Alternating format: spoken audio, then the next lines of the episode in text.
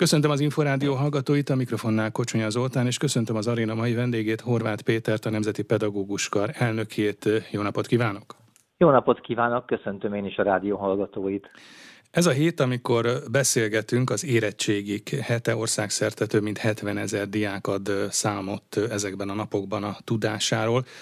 Az eddigi információk alapján, vagy az eddigi összesítések alapján mondhatjuk azt, hogy problémamentesen zajlottak, zajlanak az írásbeli vizsgák? Mik a visszajelzések? E, igen, mi is nagyon örülünk ennek, hogy semmi különösebb problémáról, sem technikai, sem az ételsorokkal kapcsolatos problémákról nem kaptunk hírt. Tényleg azt gondolom, hogy az érettségi sikere az mindenkinek az érdeke, akik dolgoznak ebben, nyilván elsősorban diákoknak, de azt gondolom, hogy ez, a, ez mi nekünk is egyfajta megmérettetés, és hát nyilván mi is drukkolunk a saját tanítványainknak, meg mindenki másnak, aki ezen a héten megkezdte az érettségi vizsgáit. Úgyhogy szerencsére az időjárás is kedvező, nincs túlságosan meleg, 9 órára és fél kilencre be lehetett érni nyugodtan az intézményekbe, ahol írták a gyerekek közép és a emelt szintű érettséget, úgyhogy minden jót kívánok a továbbiakra is nekik. Itt az Inforádióban is készültek összeállítások már a magyar matematika történelem érettségi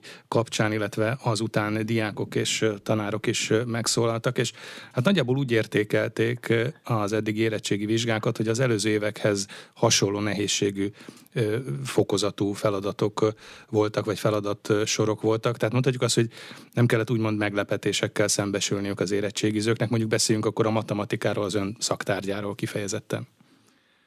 Igen, azt gondolom, hogy azért az egy nagyon fontos dolog, hogyha nyilván pontosan nem is lehet tudni, hogy milyen feladatok vannak, de azért valamiféleképpen a nehézségi szintek azok hasonlóak legyenek, hiszen akárhogy is nézzük, ez a felvételi vizsgáknál, tehát akik felvételiznek, akár abban az évben, amikor érettségiznek, akár ezekkel az érettségi jegyekkel, százalékokkal a következő időszakban, ezeket mérik össze. Tehát ez egy nagyon fontos dolog lenne, hogy évről évre nagyjából az érettség követelmény szintje, a nehézség az hasonló legyen, és azt látom tényleg, hogy magyarból is, történelemből is a kollégáim, akik megnézték a feladatokat már, megnyugodtak, látják, hogy valóban amire készítették a diákokat, hasonló tételeket kaptak, és hát matematikából én is nem azt mondom, hogy pontosan ugyanolyan jellegű volt, van mindig van azért egy bizonyos anyagrész, ami picit jobban előtérbe kerül, egy másik talán éppen nem, de alapvetően amiket a középszintű érettségénhez el kell sajátítani, azokat kérte számon, és nyilván a felkészültségtől, az elhivatottságtól, a képességtől függően remélem mindenkinek úgy sikerült, amennyi energiát fektetett bele. Most már keveset beszélünk a pandémiás időszakról és az online oktatásról. Mm, kifejezetten az iskolákban a járványhelyzet kényszerítette ki ezt, és ugye volt két év, amikor nem is voltak szóbeli érettségi vizsgák, kizárólag írásbeli formában zajlottak az érettségi vizsgák, és már a számok azt mutatták akkor is, hogy az akkor érettségizők eredményei sem voltak rosszabbak, összevetve mondjuk a korábbi évek vizsga eredményeivel. Minden esetre a most érettségizők is, hát hogyha megnézzük és visszaidézzük, akkor hát ha jól számolom, akkor azért egy évet vagy másfél évet azért a középiskolai tanulmányaik során digitális munkarendben otthonról online kellett, hogy tanuljanak. Ennek már vélhetően egyáltalán nincsenek, hát hogy is fogalmazok, úgymond nyomai, tehát nem kellett már szaktanároknak azzal foglalkozni, arra figyelni valamilyen módon, hogy hát amikor éppen mondjuk Arany Jánost vagy Vörös Martit vettük, az éppen az online oktatás időszakára esett, tehát ott valamit azért esetleg most fel kéne még idézni. Én azt gondolom, hogy, és az, hogy korábban is, mikor beszélgettünk, abban az időszakban, amikor digitális oktatás volt, és ezt az évfolyamot, akik most érettségiznek, ezt teljesen érintett, tehát gyakorlatilag majdnem másfél évet otthonról kellett tanulniuk. Akkor is mondtam, hogy azért középiskolában, pláne azok a diákok, akik tudnak már tanulni, akár önállóan is motiváltak, Szerintem őket kevésbé rázta meg a tanulmányi oldala a dolognak. E, a közösség szempontjából viszont egyértelmű, hogy hátrányok érték őket. Ami pedig a tanulmányokat illeti, azt gondolom, hogy az intézmények többsége megpróbált kínálni olyan lehetőségeket az utána következő már rendes tantermi oktatás lehetőségében, hogy pótolják, hogyha kimaradtak dolgok. Tehát én különösebben nem félek attól, hogy azok a lemaradások azok most jelentősen befolyásolják az érettségi eredményeket. de az kétségtelen, hogy a közösségek azok nehezebben tudtak épülni. Ezt a ballagási beszédekben jól lehetett hallani nálunk is, mind a végzős diákok, mind pedig búcsúztatták őket. Igen, de nekik ugye legalább volt, volt szalagavató és volt ballagás a most végzős évfolyamoknak, a korábbiaknak ugye ez kimaradt. Így van. Így van. Említettük a beszélgetés elején, hogy hát eddig zöggenőmentesen különösebb problémák nélkül zajlottak az írásbeli vizsgák, de én ha jól emlékszem és felidézem, akár egy ilyen zárójeles kérdésként csupán, hogy február-március táján pedagógusok körében indult egy, hát mondhatjuk azt, hogy egy ilyen tiltakozó hullám, éppen az érettségéhez kapcsolódóan, kifejezetten az emelt szintű érettségéhez kapcsolódóan, de sokan jelezték, hogy nem vállalnak önkéntes feladatokat az idei emelt szintű érettségin, mert hogy úgymond a kormányzat sem fog foglalkozik a pedagógusok követeléseivel, és akkor hangsúlyozták azt is, hogy ez a úgymond bolykott nem a diákok ellen, hanem éppen a diákok érdekében történne. Volt esetleg ilyen eset, vagy hallott esetleg a pedagóguskar vezetőjeként ilyen esetről, hogy ez mégis megvalósult, ez az emelt szintű érettségnek az úgymond bolykottja? Az írásbeli érettségiknél szerintem ez nem látszódik, nem is nagyon látszódik. Ez inkább a szóbeli, szóbelinél? Így van, igen. Inkább arról volt szó, hogy a szóbeli érettségiztetésnél az, az emelt szintű szóbeli bizottságokba e, jó páran mondták, hogy nem fognak jelentkezni, illetve a vizsga elnöki e, pozíciókba, amelyek érintik nyilván a középszintű érettségit is, ott e, mondták többen, vagy írták többen is, hogy nem fognak jelentkezni. Jó, ugye ez egy önkéntes tudom, vállalás hogy... lenne egyébként a pedagógusok részéről. Így van, ez egy önkéntes vállás pedagógusok részéről. Én remélem, hogy összességében nem zavarja ez meg az érettségit, és nyilván aki azt mondja, hogy ez a diákok érdekében van, a mostani diákok érdekében biztosan nem. Lehet, hogy úgy, úgy gondolkodnak, hogy most adnak egy ilyenfajta jelzést, akkor ez a későbbiek során esetlegesen szerintük eredményre vezethet. Nyilván, hogyha most ebből szervezési problémák lennének és elmaradnának vizsgák, az a mostani diákok érdekét biztosan nem szolgálná. Megszokott rendben, megszokott szisztéma szerint zajlanak a mostani érettségi vizsgák, de a következő, tehát a 2023-24-es tanévtől felmenő rendszerben majd változnak az érettségi vizsgakövetelmények, a tesztfeladatok, feladat sorok is az előrejelzések szerint. Sőt, ha jól tudom, akkor az Oktatási Hivatal honlapján már közé is tették a minta feladat sorokat.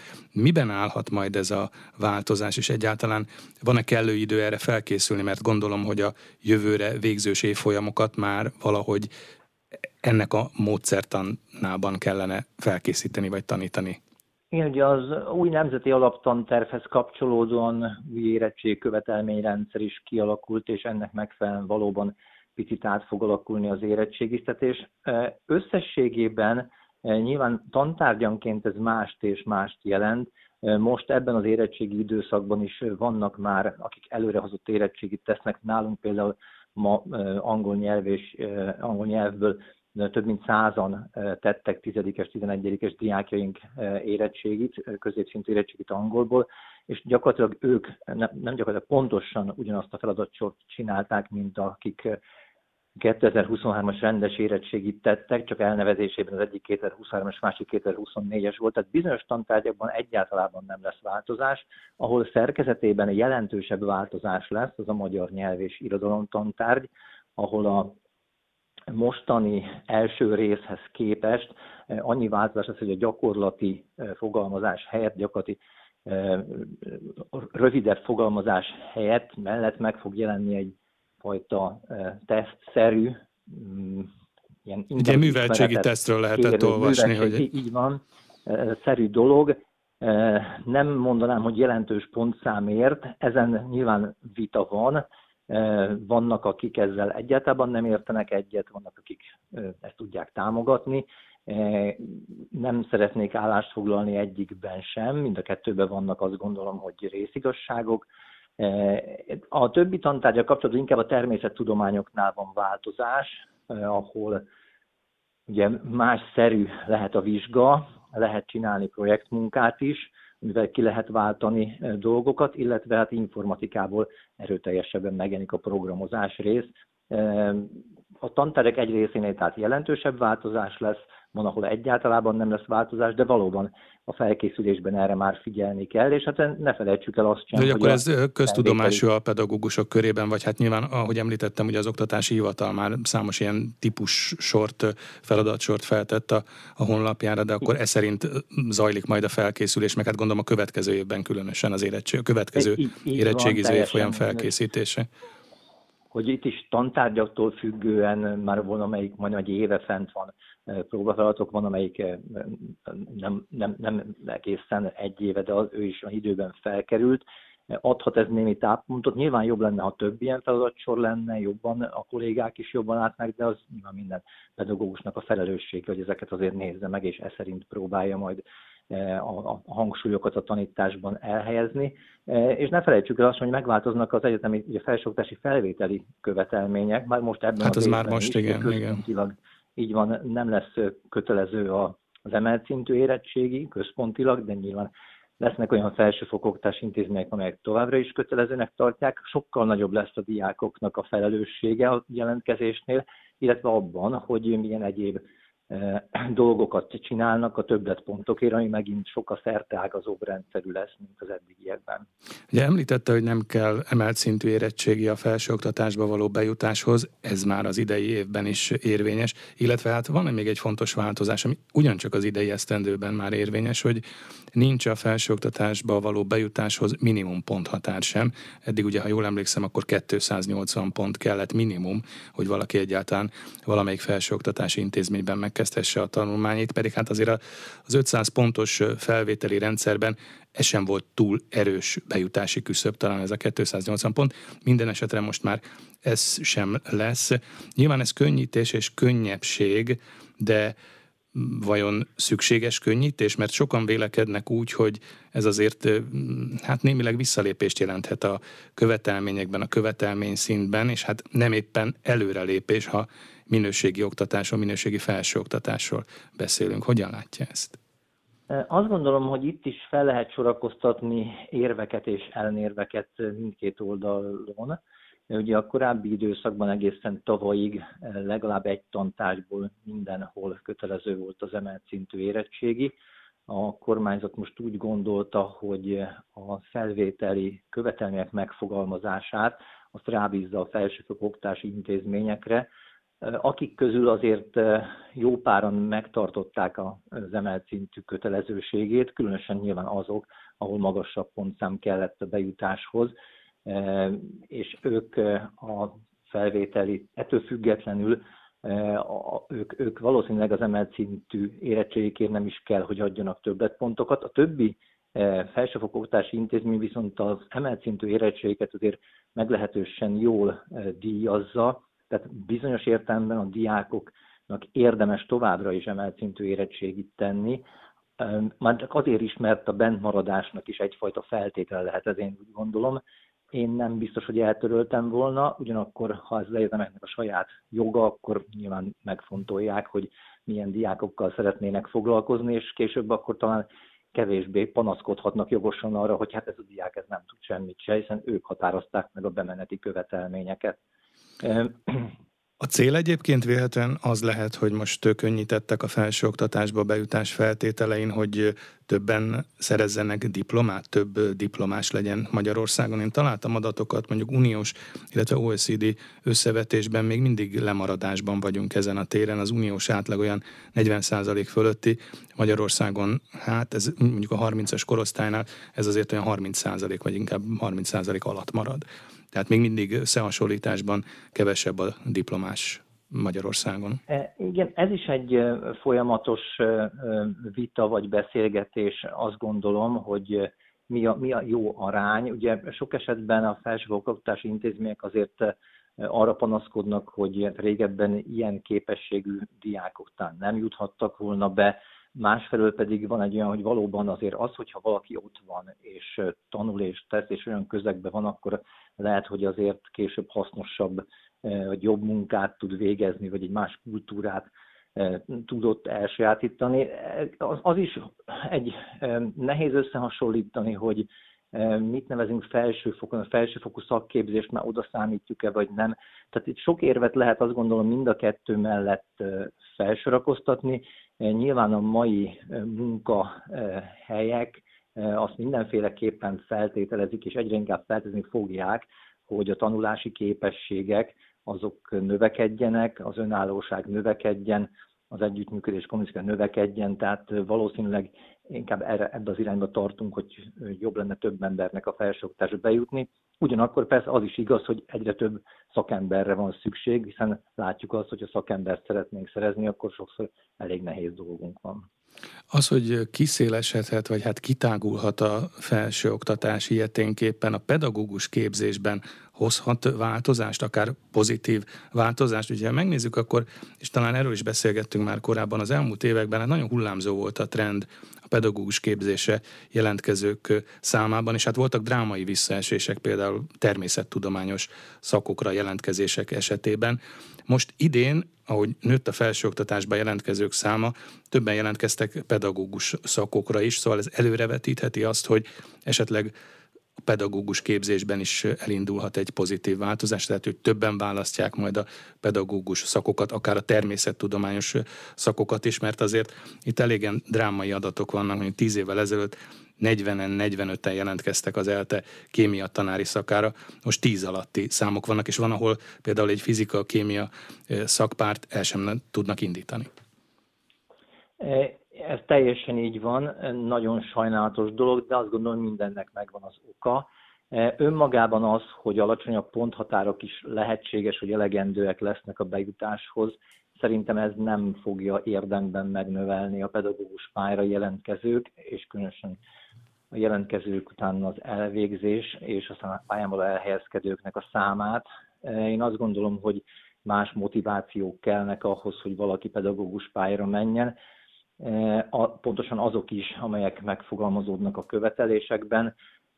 Úgyhogy ez szerintem érdemben a pedagógusok számát nem fogja érinteni. Nagyon jó lenne az, hogyha olyan motivációk lépnének be, amelyek egyrészt több embert vonzanak a pedagógus pályára, ettől nyilván magasabb pontokat, pontokkal tudnának bejutni, hogyha egy bizonyos kvótának meg kell felelni. És ez nagyon üdvözítő is lenne, hiszen nagyon összetett és bonyolult a mi pályánk is, én, és én ezt többször elmondtam, nem feltétlenül kell mindenkinek tudósnak lenni, aki pedagógus pályára megy, de azért ehhez a bonyolult és összetett érzelmi, értelmi intelligenciát kívánó pályához azért jó képességű gyerekek kellene.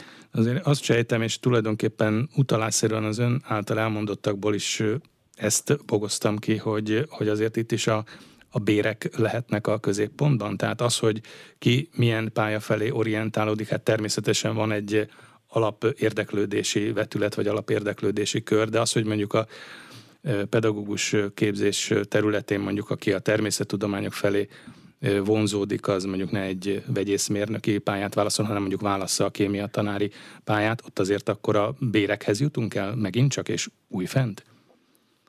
Ha nem is kizárólagosan, de az egészen biztos, hogy a pályaválasztásban egyre nagyobb szerepet játszik az is, hogy az egy milyen megélhetést tud biztosítani nem csak annak a személynek, aki ezt választotta, hanem hogyha arra gondol, hogy családja lesz, megélhetés, otthonteremtés, gyerekek, akkor az anyagiaknak szerepet kell játszani, ha valaki tervezi az életét, és valóban ez a példa szerintem teljesen jó volt, amit szerkesztő is mondott, tehát egy természettudományos érdeklődésű diáknak, ha választani kell diplomás pályák között esetlegesen, akkor egészen biztosan megnézi azt mondjuk, hogyha egy kémiáról van szó, hogy ő kémia tanári szakra jelentkezzen, a gyógyszeriparba jelentkezzen, a vegyiparba, az energiaszektorba, agráriumba, Hát nagyon sok olyan versenyhelyzet van, ahol jelen pillanatban azért sokkal jobb fizetéseket kínálnak egy kezdő elhelyezkedőnek, de ugyanezt mondhatnánk a fizikát is, mint mérnökkel való összehasonlításban, úgyhogy ameddig ez nem ér el egy bizonyos szintet az összehasonlításban, addig azért a mérleg nyelve többségében a másik irányba fog billenni. Hol van most egyébként leginkább gond, hogyha megnézzük szaktanárok tekintetében? Ugye általában tanév elején szokott elkezdődni ezzel kapcsolatosan egy polémia és egy ilyen számháború rendszerint az érdekképviseletek, pedagógus érdekképviseletek és az oktatási kormányzat között pedagógus létszám, pedagógus hiány tekintetében. De most úgy hol mutatkozik leginkább hiány, gondolom természettudományos tanárok esetében, meg hát, meg hát gondolom, hogy regionálisan is azért különbségek lehetnek, régiónként is különbségek lehetnek az országban. Abszolút teljesen, teljesen jó mm, nézőpont ez. Többféleképpen vannak ellentmondások, vagyis hiányok. Egyrészt regionálisan is természetesen megvannak. Én azt gondolom, hogy a fővárosban az országnak azon a részén, ahol jobb elhelyezkedési lehetőségek vannak a, családoknál, jobb életlehetőséget gondolnak, ott kevesebb a probléma. Olyan azokban a régiókban, amelyek hátrányosnak mondott régiók, lemaradó régiók, ott pedig sokkal több a probléma. Ebből adódik az is, hogy mondjuk ott én azt gondolom, hogy alapvetően a pedagógusoknak az óraszáma is eltérő, hiszen ez a bizonyos 22-26, ez lehetőséget ad arra is egyébként, amire előbb szerkesztő célz, hogy elfedheti a pedagógus hiányt, hiszen alapvetően 22 órára kellene beállítani a pedagógusok létszámát, de a 22-26 között úgy tűnik, hogy egyre, egyre magasabb lesz a pedagógusok által ellátott tanítási órák heti, heti óraszáma, és ilyen értelemben nehéz megmondani pontosan, hogy me- mekkora a pedagógus hiány, hiszen ha korábban mondjuk 22 órával lefették a pedagógusok az iskolai rendszert, akkor 10% pedagógus kiesésével most 24-jel tudják lefedni, tehát lehet azt mondani, hogy nincs pedagógus hiány, csak mindenki lényegesen többet dolgozik. Tehát egyrészt van egy területi egyenlőtlenség, egészen biztosan, másfelől pedig hát szakonként is, bár azt lehet mondani, hogy mondjuk a, az informatika, aminek az óraszáma jelentősen megnőtt, a természettudományok, ahol pedig egyébként az óraszám picit csökkent, mindenképpen a kiemelkedően gyengén ellátott területek közé tartozik. Az, hogy évről évre a statisztikai adatok azt mutatják, hogy évről évre kevesebb gyerek iratkozik be általános és középiskolákban, nem azért, mert nem iratkoznak be, hanem azért, mert hogy, mert hogy létszámban kevesebb ez a korosztály, az azért nem árnyalja valamelyest ezt a képet, mert ez is elhangzik általában, hogy pedagógus összlétszám az azért markánsan nem változott, viszont a gyerek létszám az évről évre csökken. Igen, ez megint egy olyan adat, amit lehet lobogtatni, hogy csökken a diákoknak a létszám, a pedagógusoké pedig szinte változatlan, és így mondjuk az egy pedagógusra jutó diák létszám folyamatosan kisebb lesz, de gondoljunk bele a következőbe hogyha egy iskolában minden osztálynak a létszáma egyel kisebb lesz a következő évben, akkor egy ideig pedagógusnak ugyanannyinak kell ellátni, hiszen hogyha egy osztályban 23-an jártak, utána 22-en, attól még az egy osztály marad, és ezt el kell látni. Vagy nálunk mondjuk tényleg magas osztálylétszámok vannak, a 37-38 helyett csak 34-en fognak beiratkozni, Révai Gimnázium 9. évfolyamára, attól még ugyanannyi pedagógusnak kell ellátni a feladatokat. Tehát ameddig az iskola szerkezet ilyen marad, és nem lesznek ezen változások, addig ez a szám, hogy egy pedagógusra hány diák jut, ezen sokat lehet vitatkozni, sokat lehet morfondírozni, de alapvetően nem lesz kevesebb pedagógusra szükség, hogyha egy-egy diákkal kevesebb van egy-egy évfolyamon. Pedig az a lényegében összességében egy bizonyos nagy diáklétszám csökkenést jelenthet. A kormány tavaly nyáron átmeneti intézkedésként könnyített a nyugdíjas pedagógusok visszafoglalkoztatásán, ugye egyéves időtartamra, most augusztus végéig. Aztán most a napokban megjelent a magyar közlönyben a rendelet módosítás, és ennek értelmében bármeddig taníthatnak, és teljes állásban is visszahívhatók a nyugdíjas pedagógusok, sőt, most az érettségikbe is bevonhatók és bekapcsolódhatnak, tehát a nyugdíj mellett és időkorlát nélkül foglalkoztathatók nyugdíjas pedagógusok. Vélhetően a rendelet alkotók is érezték, hogy pedagógus létszámban azért gondok lehetnek? Egyáltalán mennyiben segíthet ez az intézkedés?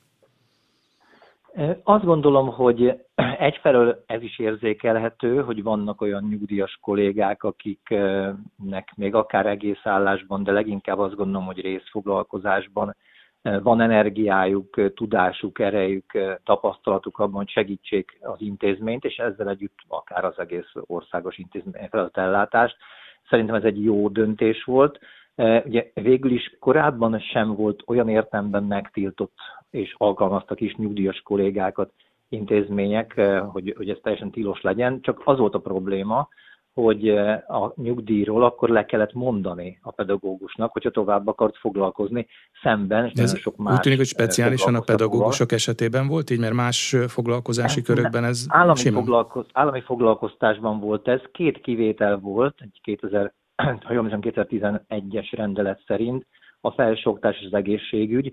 Mi ezt már akkor is jeleztük egyébként folyamatosan, és hát 2014 óta a Nemzeti a tagjaként is, hogy nem igazából értjük, hogy a köznevelés miért nem kivétel ez alól, hiszen a köznevelésben el kell látni egy feladatot, és akkor látszódott, hogy a nyugdíjba vonulók száma az messze meg fogja haladni a pályára lépőknek a számát. Ezt mi akkor is kértük, az előző években egyre hangosabban és egyre határozottabban kértük, hogy ne kelljen lemondani a nyugdíjról. Ez egy picit diszkriminatív is, azt gondolom, hiszen ha valaki az állami feladatlátásból nyugdíjba ment, ettől még egy magán eh, intézmény, vagy egy egyházi intézménybe el tudott menni, úgyhogy nem kellett lemondani. Ez egy rossz versenyhelyzetet teremtett az állam számára szerintünk. Szerencsére most már úgy alakult, hogy ez megoldható, annak is örülök egyébként, hogy az érettségiztetésben részt kell venni, és nem azért, mert így el fogják tudni látni a nyugdíjasok esetleg kieső olyanok számát, akik nem akarnak részt venni ebben, hanem azért, mert vannak olyan tapasztalt kollégák, akik is tudnak hasznosakat mondani azokon a helyeken, ahol az érettségiztetésben részt vesznek.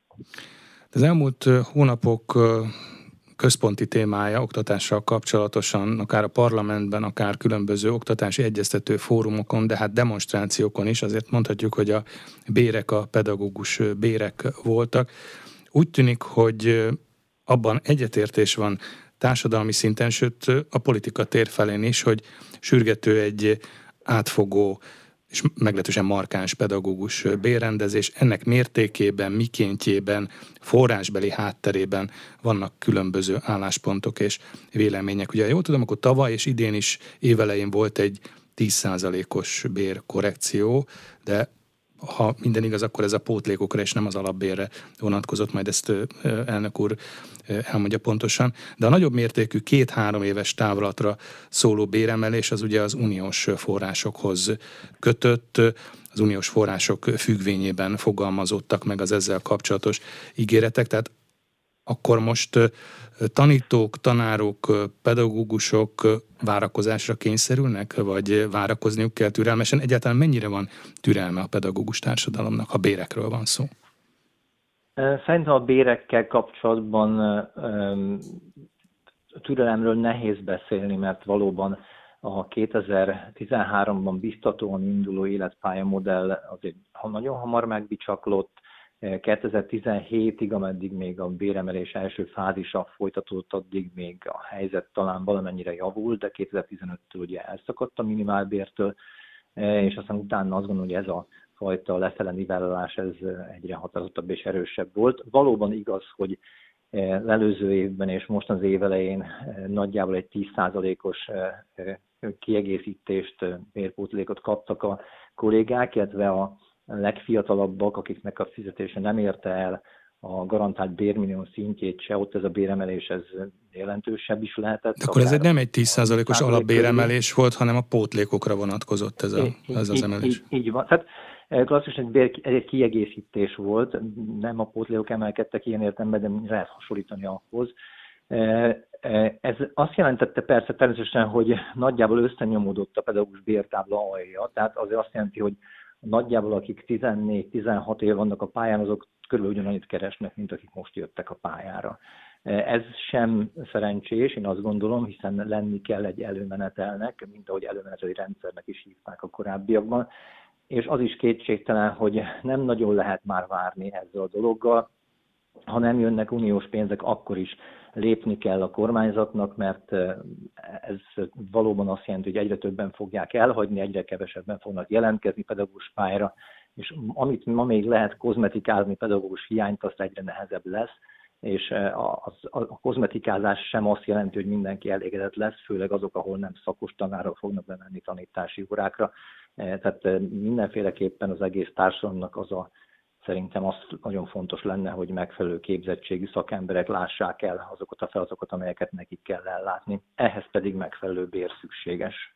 Nemzetközi viszonylatban, vagy akár Európai Uniós összehasonlításban vajon van arra példa, hogy így módon fedezik egy ágazat dolgozóinak béremelését? Ugye most itt az uniós forrásokra gondolok, hogy itt 800 milliárd forintos tételt vár a kormány az Európai Uniótól, hogy meg lehessen emelni a magyarországi pedagógusok bérét, de hát azért az nem furcsa, hogy a taktaharkányi matematika tanár bérfelzárkóztatása a brüsszeli források függvénye? Azt gondolom, hogy erre én nem láttam még példát. Ugye ez a bizonyos FO Plus nevű pályázati alapban van benne, hogy a, egyrészt a pályára vonzás, másrészt a pedagógusoknak a jobb anyagi megbecsülése miatt az uniótól e, számítanak pénzre a döntéshozók, belekalkulják a pedagógus béreknek a, e, az alakulásába vagy emelkedésébe. E, bizonyos értelemben annyira engem nem zavar, hogy honnan lesz erre pénz, csak legyen. De hogy ha nem lesz unió, igen, igen, tehát ha nem lesz uniós forrás, akkor elő kell teremteni valamilyen módon a költségvetésből. Még egyszer mondom, már vannak azért komoly problémák, amiről beszéltünk az előző részben is, és ezek a problémák csak növekedni fognak, ha nem lesz bérrendezés. Jelen pillanatban az FO pluszban az van benne, hogy ennek a bérnek ennek következő évben, tehát már most 23-ban visszamenőlegesen januártól el kell érni a 65%-át a diplomás átlagbérnek, 2024-ben el kell érni a 72%-át, és 2025-ben el kell érni a 80%-át. Önmagában az, hogy ismét visszatértünk egy társadalmi standardhez, ezt is azt hiszem sokszor beszélgettünk ebben a műsorban is arról, hogy ez egy jó dolog, mi ennek örülünk, mindenféleképpen kell tudni hasonlítani a bérünket valamihez, és annak azon a szinten kell maradni, vagy az a szintet meg kell haladni, mert különben az a fajta lecsúszás, ami már többször érezhető volt, pedagógusoknál az be fog következni. Mindenesetre kormányzati illetékesek ezt konkrétan forintosították is. Hát a Rétvári Bence, a belügyminisztérium parlamenti államtitkár éppen a parlamentben, aztán egy rádióműsorban is arról beszélt, hogy amint megérkeznek az uniós források, már másnaptól 560 ezer forint lesz a pedagógus átlagbér, 2025 januárjára pedig ez az átlagbér ez 800 ezer forint lehet. Hát ezek kétségkívül imponáló számok. Most mennyi egyébként az átlagbér nagyjából, pedagógus átlagbér? Imponálóak a számok, de ne felejtsük el azt, hogyha az átlagbér egyébként sokkal jobban növekszik összességében, vagy növekedne, akkor mondhatunk bármilyen számot, az, az, az, az, az félrevezető lehet, akár azért, mert lehet, hogy a diplomás átlagbérek sokkal fognak növekedni, ezért jó, hogy ahhoz hasonlítunk. Tehát szerintem most konkrét számokat a mostani helyzethez képest lehet mondani, de ezek a számok, ezek lehet, hogy egészen mások lesznek. Ha 560 ezer forintot mondott André, akkor én azt gondolom, hogy körülbelül ez 450 ezer forint körül lehet szerintem a mostani átlagbér, hiszen a kezdők bére nagyjából a felzárkózással együtt most ilyen 330 ezer forint körül van, és hát akik a legmagasabb pályán vannak, őnekik sem nagyon éri el a 600 ezer forintot. A bérek, béremelés kapcsán az elmúlt időszakban rendre szóba került a pedagógusok teljesítményértékelése is, vagyis hát, hogy nőnek a bérek, de ehhez igazodik majd a teljesítmény mérése is, és talán a differenciális a differenciálás is a, a bérekben. Ha jól tudom, akkor legalábbis erről lehetett olvasni, hogy egyfajta tesztüzem, ennek a teljesítményértékelésnek a tesztüzeme, hát így február-március táján el is indult, vagy el is indulhatott. Mit lehet erről tudni, vagy hogyan néz neki ez? Egyáltalán mi lehet a módszertana? Mert hát ugye van tanfelügyeleti rendszer, ha jól tudom, szakfelügyeleti rendszer, a pedagógus életpályamodellhez is kapcsolódott egy minősítési rendszer, bár ez kétségkívül nem az adott tanéven belüli teljesítményt hivatott mérni, de hogy azért vannak különböző mutatók. Most ez miben lenne más, vagy hogy néznek ki ez? Ugye a, a mostani jogszabályi tervezetek úgy rendelkeznének, hogy bár a fizetési fokozatokban megmaradnak ezek a gyakornok, pedagógus, egy pedagógus, kettő, mester és kutatótanár fokozatok, de a gyakornokból pedagógus egy maradna csak kötelező, és a pedagógus egyből a pedagógus kettő az már opcionális, választható lenne, bár kétségtelen, hogy lehet, hogy magasabb fizetéshez lehet jutni, aki ezt elvégezné. De a rendszernek ez a fajta kötelezettsége, pedagógus egyből, pedagógus kettő, ez megszűnne. Valamint megszűnne a pedagógus tanfelügyeleti eljárás, és az intézmény vezetői tanfelügyeleti eljárás, de maradna az intézményi tanfelügyelet. Tehát lenne egy külső ellenőrzési lehetőség vagy rendszer is, és mellette jelenne meg ez a teljesítmény értékelési rendszer, amiről valóban lehet tudni bizonyos dolgokat, legalábbis, hogy mit, mi a terv. Lehet tudni azt, hogy vannak olyan intézmények, ahol ezt próbálják, én tavasszal, 35 körüli intézményről tudok, de konkrétan nem tudom egyről sem, hogy hol van. Ennek nyilván lesznek tapasztalatai, de az egészen biztos, hogy a pedagógusok teljesítményét összességében nagyon-nagyon nehéz mérni, az, hogy ezáltal esetlegesen többletforrások kerülnek a rendszerbe, és az intézményvezetők támaszkodva egyfajta képpen erre a teljesítményértékelési rendszerre megbeszélve nyilván a nevelőtestületükkel, hogy hogyan és miként eh, vesznek figyelembe dolgokat, ez adhat egyfajta lehetőséget arra, hogy a eh, nevezzük úgy a legjobban dolgozók számára egy adott évre többletjuttatást lehessen tenni. Nagyon örülünk annak, hogy a Most egyébként az igazgatónak vagy az intézményvezetőnek van lehetősége arra, hogy egyáltalán differenciáljon bérekben? Tehát, tehát aki mondjuk valóban jobban teljesít, vagy többet dolgozik, annak plusz forrást juttasson? Most jelen pillanatban gyakorlatilag nincs, formálisan, minimálisan van, hiszen az utolsó 10% a 2017-es az úgy került meglátásra, hogy annak egy része az differenciálása felhasználható le- lehet, de ezt nem nagyon használták ki, szerintem nagyon helyesen az intézmények, hiszen egy korábban mindenki számára megígért bérnövekedés volt. Differenciálni jelentően a pótlékoknál lehet, az osztályfőnök és a munkaközösségvezetői pótlékoknál az differenciáltan adható, és ott nyilván azt gondolom, az intézmények a saját szerzeti kultúráiknak megfelelően is döntötték azt, hogy mi lesz ennek a differenciálásnak az alapja de a béreknél, az egyes fedős béreknél nincs differenciálásra jelen pillanatban lehetőség. Érdemi lehetőség biztos, hogy nincs. Most itt a teljesítményértékelés kapcsán én azt olvastam, hogy itt olyan szempontok is lehetnek, hogy továbbtanulás, sikeres nyelvvizsgák, tanulmányi versenyeken való részvétel, csak hát ennek kapcsán óhatatlanul az jut az ember eszébe, hogy hát nagyon más lehet ez a szempontrendszer egy budapesti vagy nagyvárosi gimnáziumban, ami az éppen most megjelent középiskolai rangsornak mondjuk az élbolyában szerepel, és más egy Szabolcsi település szakközépiskolájában, ahonnan azért kevesek mennek OKTV versenyekre.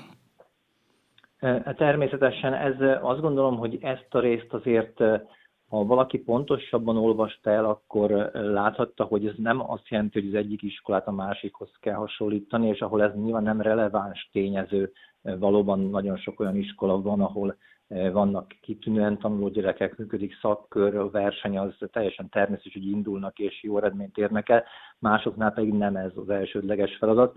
Tehát azokon, a, azokon az iskolákban, ahol ez nagyon kevéssé e, van benne a tudatban, hogy országos versenyeken lehetnek persze helyi versenyek is, díjazhatják azt is az intézményvezetők, hogy esetleg ilyeneken indulnak el, de mindenképpen az iskoláknak önmaguk teljesítményéhez képest kell mérni magukat. A következő évben úgy érzik, hogy előreléptek bizonyos dolgokban, vagy éppen nem. E, ugyanez vonatkozhat a lemorzsolódásra, és persze számtalan olyan dolog van, amiben nem lehet e, objektíven megítélni azt, hogy az egyik év az milyen a másikhoz képest. Ezt szerintem mind-mind figyelembe kell venni, hogyha úgy szeretnénk irányítani egy iskolát, hogy ott kevés, kevés konfliktus legyen.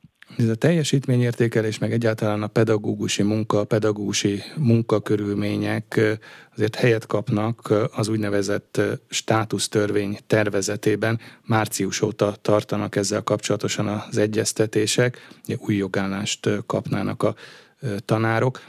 Nemzeti Pedagógus Kar is véleményezte pedagógusok véleményét gyűjtötte össze, illetve hát részt vesznek ezeken az egyeztetéseken, amelyekből már elég sok lezajlott, és éppen a legutóbbi kormányinfón elhangzott, hogy a kormány szeretné, hogyha ez a státusztörvény megszületne a mostani ülésszak végéig, tehát nyárra ez elkészülne, és akkor ezek szerint a következő tanév már ennek jegyében vagy ennek szellemében indulna. Mi a Nemzeti Pedagógus Kar álláspontja? Mondjuk rögtön talán kezdjük a, az új jogállással, vagy az önálló jogállással kapcsolatosan.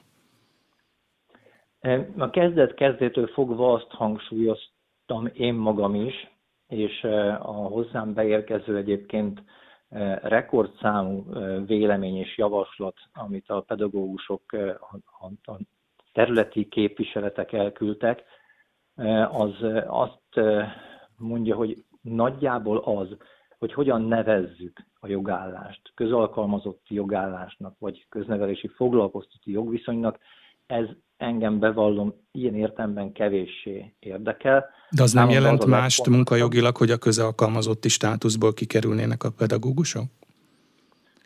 A, a közalkalmazotti státusz helyett egy köznevelési foglalkoztási jog, igen, igen. ami lehetséges, hogy teljesen hasonló e Hasonló. Tehát számomra az a legfontosabb, hogy eh, megmaradjanak, minimális célként megmaradjanak azok a eh, kedvezmények, azok a jogok és lehetőségek, amelyek valamelyest ellensúlyozni tudják azt, hogy a mi bérünk az a diplomás átlagbérhez képest is messze lemaradt, és még a felzárkóztás után is csak a 80%-át fogja elérni.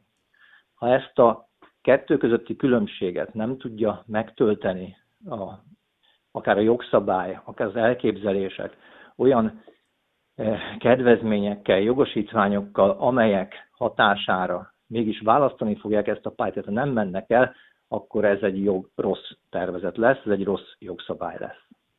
A munkaidőre a kötelező óraszámra vonatkozóan is szerepelnek kitételek ebben az előterjesztésben. Ez ugye egy régóta vitatott tény, ugye az érdekképviseletek és a Nemzeti Pedagógus Kar is ugye heti 22 órát szeretne rögzíteni. Nagyon eltérőek az álláspontok ezzel kapcsolatosan? Van egy elvi vita tulajdonképpen, nem is nem vitának, egy nagyon eltérő megközelítés az, az, az a tervezet alkotói és az ott jelenlevő szakszeretek és a pedagógus kar között. Mi azt gondoljuk, hogy mindenféleképpen, és ebben azt gondolom a pedagógus társam nagyon-nagyon egységes. Nagyon kevés olyan dolog van, amiben azt lehet mondani, hogy ennyire egységes, hogy egy fix óraszámnak kell lenni, mert ez azonnal tisztázza azt, hogy mit a többlet tevékenység, amit el kell ismerni, és mi az, ami beletartozik ebbe a kötelezettségbe. Amint ez határok között lesz, főleg így, hogy elég tág határok között van ez, hiszen a 22-26 között majdnem 20% különbség van, ez folyamatosan azt fog jelenteni, hogy eltérő mennyiségű munkát végeznek pedagógusok, eltérő munka mellett ugyanazt a bért kapják, ráadásul még ezen kívül is e, ingyen kell helyettesíteniük, ellátni feladatokat. Mást jelent a tartós, más az eseti helyettesítés, egyikért jár pénz, másikért nem. Nagyon nehéz eligazodni egyébként ezekben a dolgokban is. Folyamatos vita tárgyát fogják képezni. Mi azt gondoljuk, hogy valóban kell egy fix heti kötelező óraszám, és reméljük, hogy ebbe az irányba fognak haladni a dolgok. Ez egy, ez egy nagyon fontos feltétel nekünk is, hogy mennyire tudjuk támogatni ezt a tervezetet.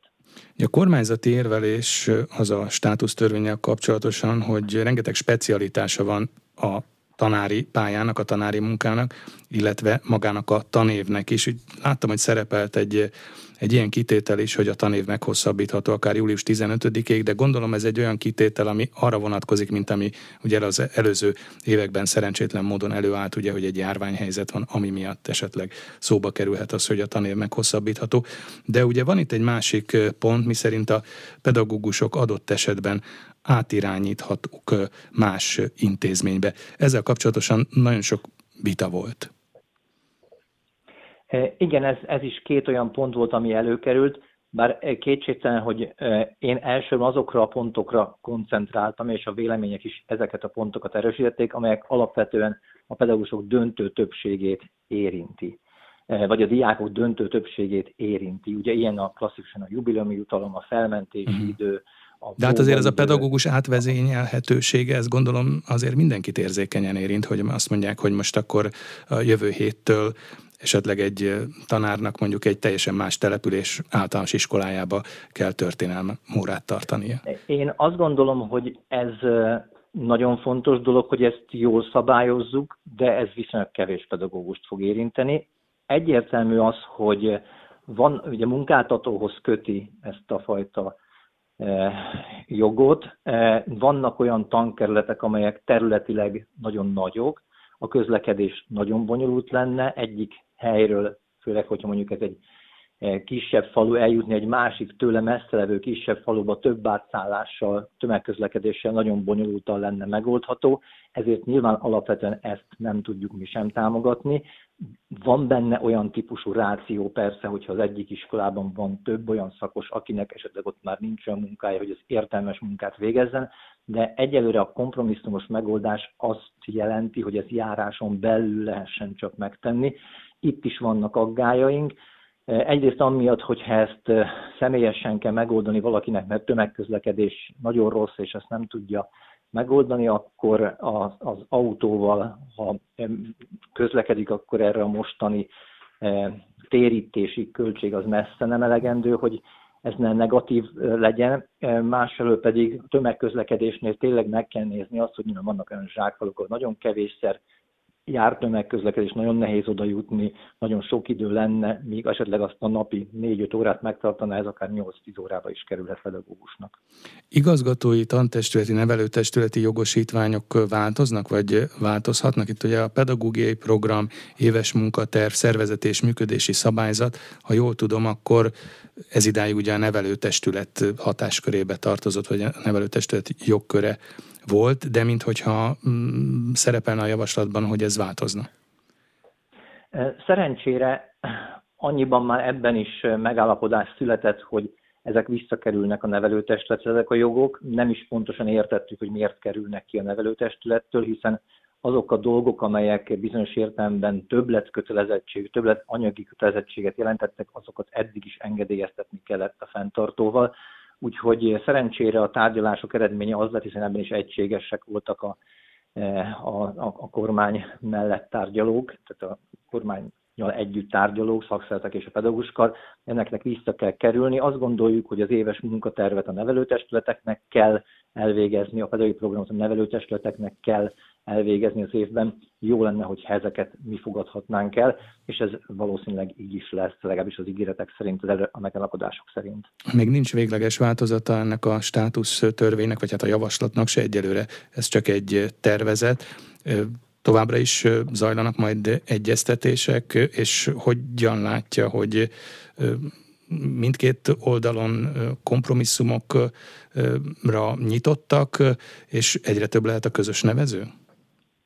E, igen, én úgy látom, hogy, e, hogy vannak e, jó pár esetben elfogadták a véleményünket, amiket ott sokat közösen tettünk. Ilyenek azok a dolgok, amelyek alapvetően a pedagógusoknak azt a fajta hűségét ismerik el, hogy minden megpróbáltás és nehézség ellenére a pályán maradtak.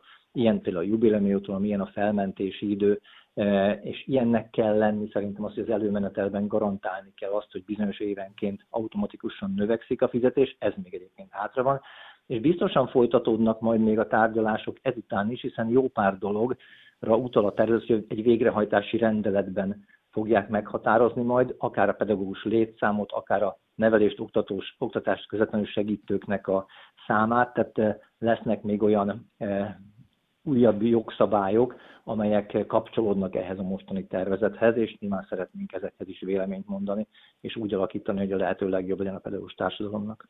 Elnök úr, nagyon szépen köszönöm. Az elmúlt órában Horváth Pétert, a Nemzeti Pedagógus Karelnökét hallották itt az arénában. Köszönöm elnök úr, és köszönöm a hallgatóknak, hogy velünk tartottak.